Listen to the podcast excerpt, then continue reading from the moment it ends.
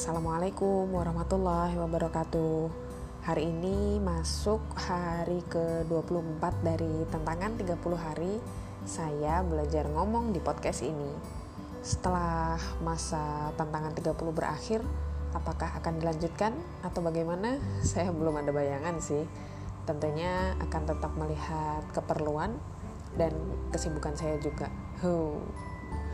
Sungguh merasa sering blank mau cerita apa lagi gitu setiap hari harus bercerita. Dan saya ini tipe orang yang sebenarnya nggak senang nggak terlalu senang menceritakan apa yang terjadi dalam keseharian gitu kepada orang lain.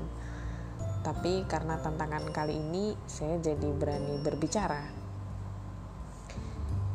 Mungkin karena minim pengalaman minim aktivitas membuat saya rasanya sulit menyimpulkan sesuatu hal sebagai bahan ngobrol. Biasanya saya bisa ketemu banyak orang, saya bisa menyimak orang-orang ngobrol, jadi saya bisa menarik sesuatu hal, kemudian bisa menceritakannya kembali. Tapi karena kondisi pandemi ini, akhirnya ya begitu. Belum lagi kelelahan selama di rumah aja ini rasanya lebih berlipat-lipat daripada hari biasanya. Malam ini juga bingung mau cerita apa, jadi saya mau coba runut gitu ya. Hari ini sudah ngapain aja tadi? Siapa tahu ada bahan yang seru buat diobrolkan. Bangun pagi tadi selepas sholat subuh saya buka kulkas lihat isi kulkas dan gak ada yang menarik. Hanya ada terong, wortel, dan tempe. Jadilah saya kemudian berinisiatif memasak dari bahan yang ada itu. Dan dari bahan-bahan tadi akhirnya tercetuslah menu lodeh dan tempe goreng biar terasa lebih mewah lodehnya saya tambahin telur telur rebus. Alhamdulillah anak-anak juga pada doyan. Setelah rampung urusan perdapuran saya mendampingi anak-anak melaksanakan program learning from home. Tadi untuk si adik ada senam go green berjalan lurus, berjalan zigzag, dan mengerjakan worksheet. Untuk si emas tadi ada berlari tanpa halang rintang, kemudian berlari, berlari dengan rintangan, mengerjakan worksheet juga, lalu ada murojaah dan baca ikro. Banyak juga ternyata ya, saya baru sadar loh ini. Dan ini anaknya baru dua, belum kalau lebih dari dua tadi di sebuah grup saya dapat cerita ada yang anaknya lima dan empatnya bersekolah dengan jenjang yang berbeda-beda. Ada yang UN bahkan ada juga yang masih bayi. Ini saya membayangkannya aja udah rasanya nggak sanggup gitu. Tapi ketika saya ngobrol begini sama kakanda beliau mengingatkan ya udah sih ujiannya orang itu beda-beda kemampuannya juga beda-beda. Nggak usah dibayangkan dijalanin aja apa yang ada di depan mata kita. Gitu katanya. Itu tadi baru urusan masak dan menyelesaikan learning from home-nya dua anak. Tahu-tahu sudah setengah 12 saya rebahan sejenak nggak lama duhur. Lepas sholat duhur tadi sebenarnya saya dari pagi ada janji mau membuat karya sama Mas Q dan Dek Q dari uh, cangkang telur. Tapi ternyata selepas sholat duhur diajak bikin proyek. Anak-anak dua itu diajak bikin proyek sama kakanda film singkat sih. Ya udah. Kesempatan saya untuk leyeh-leyeh sejenak. Habis itu ngapain lagi ya tadi?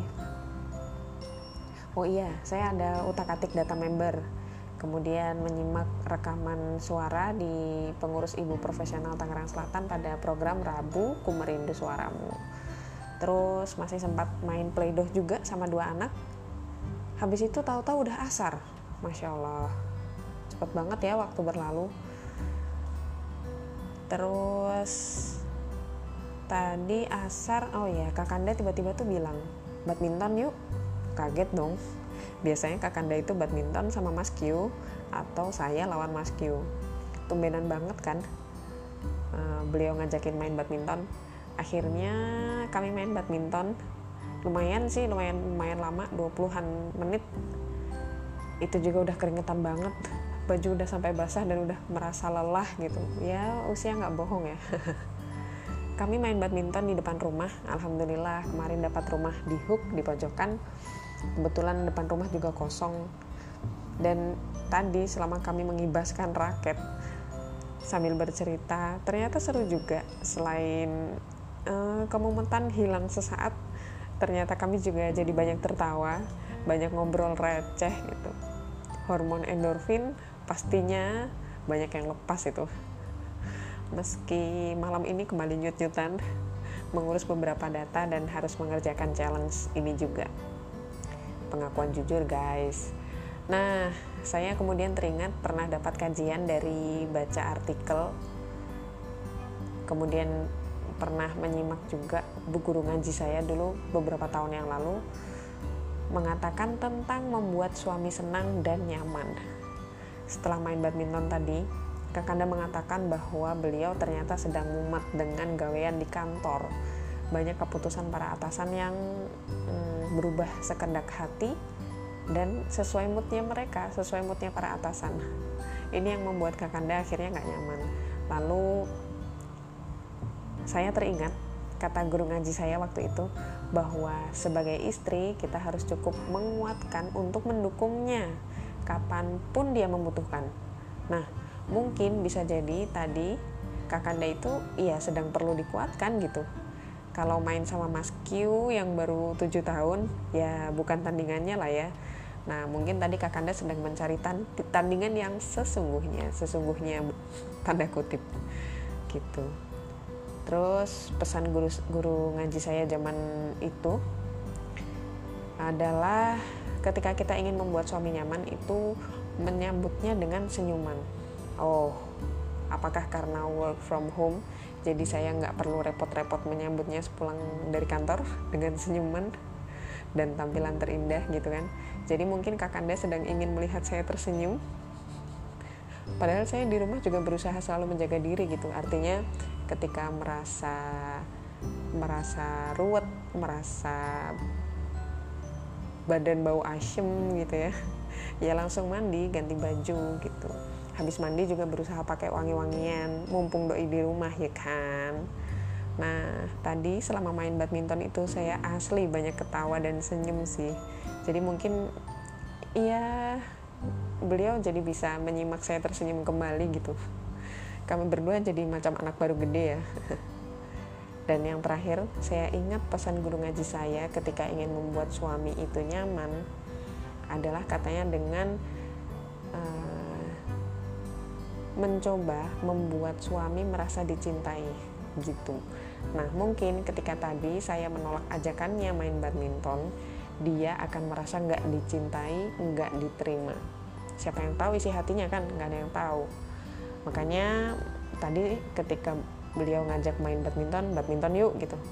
Ya saya langsung mengiyakan permintaan anehnya itu. Nggak apa-apa lah ya sesekali.